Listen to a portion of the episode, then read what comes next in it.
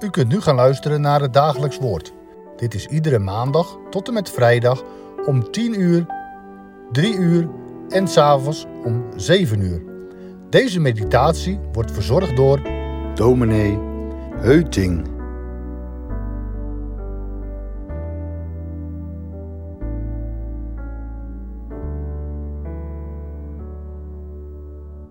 De Heere Jezus zoekt even rust.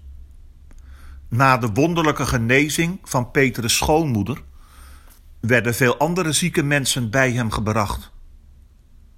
En kennelijk is de Heer Jezus er de hele nacht druk mee bezig geweest. Nu lezen we verder in Lucas 4, vanaf vers 42. Toen het dag geworden was, ging hij naar buiten en begaf zich naar een eenzame plaats.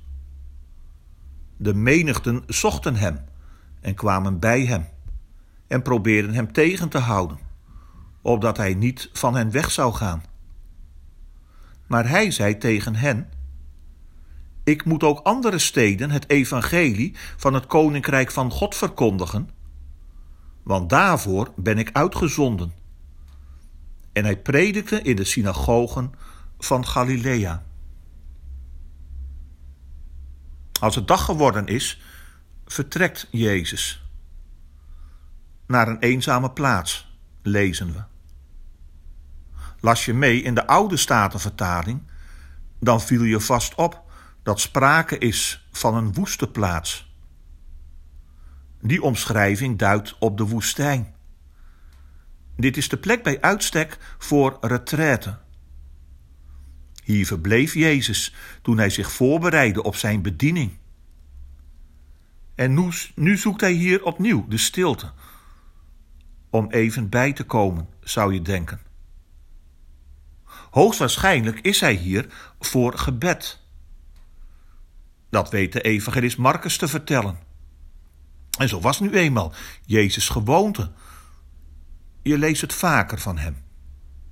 Juist na drukke werkzaamheden dan zoekt de Heer Jezus rust.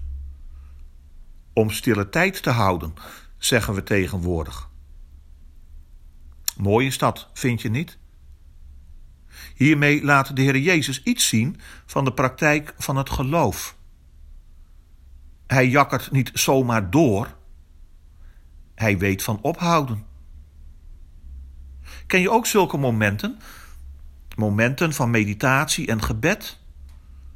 Momenten van stilte en contact met God? Regelmatig? Dagelijks?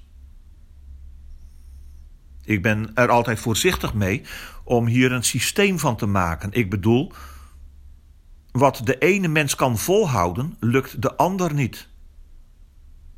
Zo zoekt de Heer Jezus hier de stilte in de morgen en waarschijnlijk ook al vroeg.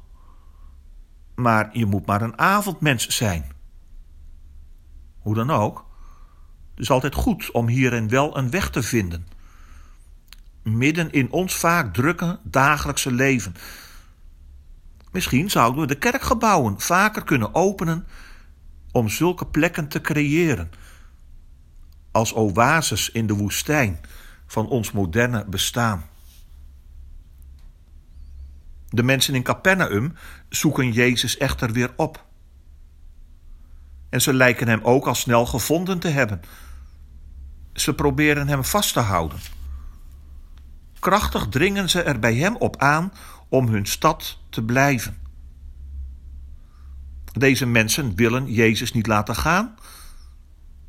Zo anders dan even tevoren Jezus' eigen dorpsgenoten in Nazareth, die hem in de ravijn wilden gooien om te doden.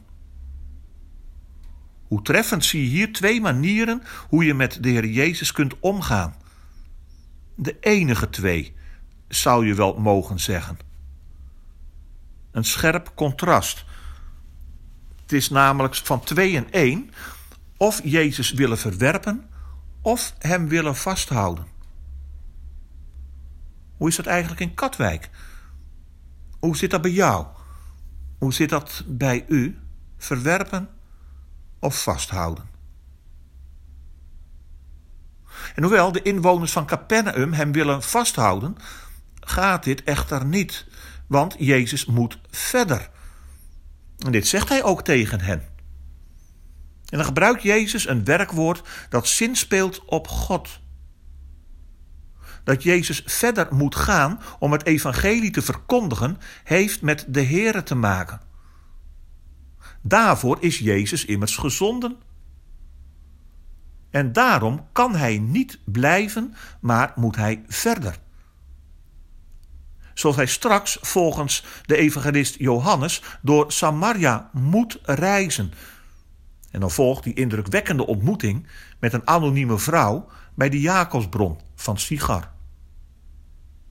Of zoals de Heer Jezus later zelf zegt van zijn eigen arrestatie en executie. De zoon des mensen moet veel lijden en verworpen worden en gedood en op de derde dag weer opgewekt worden. Moeten. En dit moeten heeft te maken met regie. De dingen overkomen hem niet, bij toeval of zo, of uit aversie van mensen. Nee, ze volgen een script, namelijk het scenario van God. Daarom moet Jezus verder. En trouw aan zijn missie gaat hij dus ook hier zijn gang. Daarom kan hij niet in Capernaum blijven. Hij moet ook elders de goede boodschap brengen van het koninkrijk van God. Je mag ook zeggen, Jezus moet het programma proclameren van Gods heerschappij. Dat is met zijn komst aangebroken. En daarom moeten we ook maar niet te veel nadruk leggen op de wonderen. Dat wil zeggen, ze in ieder geval niet loszien van Jezus' verkondiging. Kijk, er zijn er die bij de wonderen van Jezus denken aan zijn charismatische begaafdheid of aan een vorm van psychotherapie. En op die manier plaatsen ze Jezus op de lijn van tal van wonderlijke genezers in die tijd, charlatans of kwakzalvers. Maar het gaat Jezus primair om de overwinning van het rijk van de bozen. Dat is de heerschappij die zich kenmerkt door zonde en nood, die ziekte en bezetenheid, door de crisis en de dood. Door wat de goede schepping van God vernietigt. Maar het koninkrijk van God betekent de verlossing van al dit kwaad. Ooit wordt alles weer perfect vernieuwd. Dat zegt Jezus. En dat laat hij zien. Soms. De wonderen zijn, bij wijze van spreken, de illustraties van zijn verhaal. Het gaat hem erom dat mensen nu al delen in deze macht, door het evangelie te accepteren en te geloven in hem, om nieuwe mensen te worden. Tot dat doel wordt dit evangelie ook vandaag verkondigd, zelfs in Katwijk, via dit dagelijks woord deze podcast. Je had er toch niet aan moeten denken dat ze Jezus in Capernaum hadden vastgehouden? Laten wij bidden. Laat komen, Heer, uw rijk, uw koninklijke dag. Toon ons uw majesteit, Messias, uw gezag. Waar blijft het overlang beloofde land van God, waar liefde en lofgezang verdrijven leed en dood. Dat land, het van ouds vertrouwde Canaan, waar God zijn stad herbouwt, Sion, waar zijt ge dan?